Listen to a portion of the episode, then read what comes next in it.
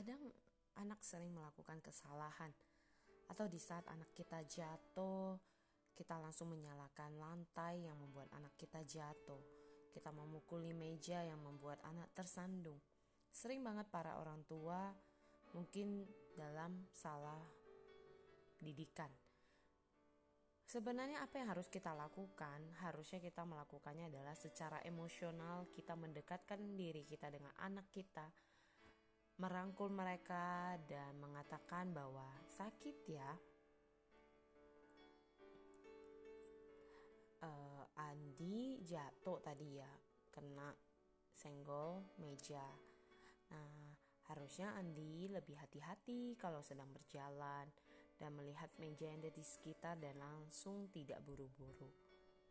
Sepertilah itu harusnya kita memberitahukan kepada anak kita apa yang harus mereka lakukan, bukan menyalahkan keadaan. Kadang orang lain yang tanpa sengaja kita lihat kita yang melakukan kesalahan, kita yang tersandung, kita langsung sebagai orang tua kita marahin orang tersebut, akhirnya anak mengikuti hal tersebut.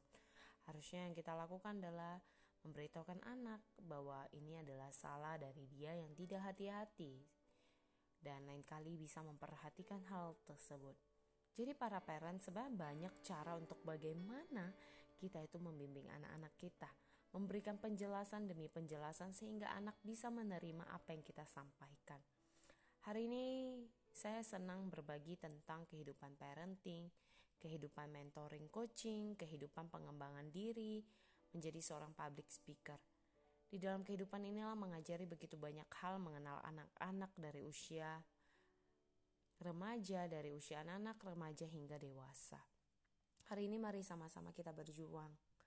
Hai para parents, saya percaya apa pun yang kita lakukan, kita bimbing anak-anak kita, mendukung mereka untuk memiliki masa depan yang lebih baik. Biarlah mereka bisa mengeluarkan ide-ide kreatif mereka, menggunakan akal, pikiran, dan otak mereka untuk berpikir lebih dalam lagi, berpikir mencari cara, ide, agar mereka lebih bisa kreatif, inovasi dalam kehidupan mereka.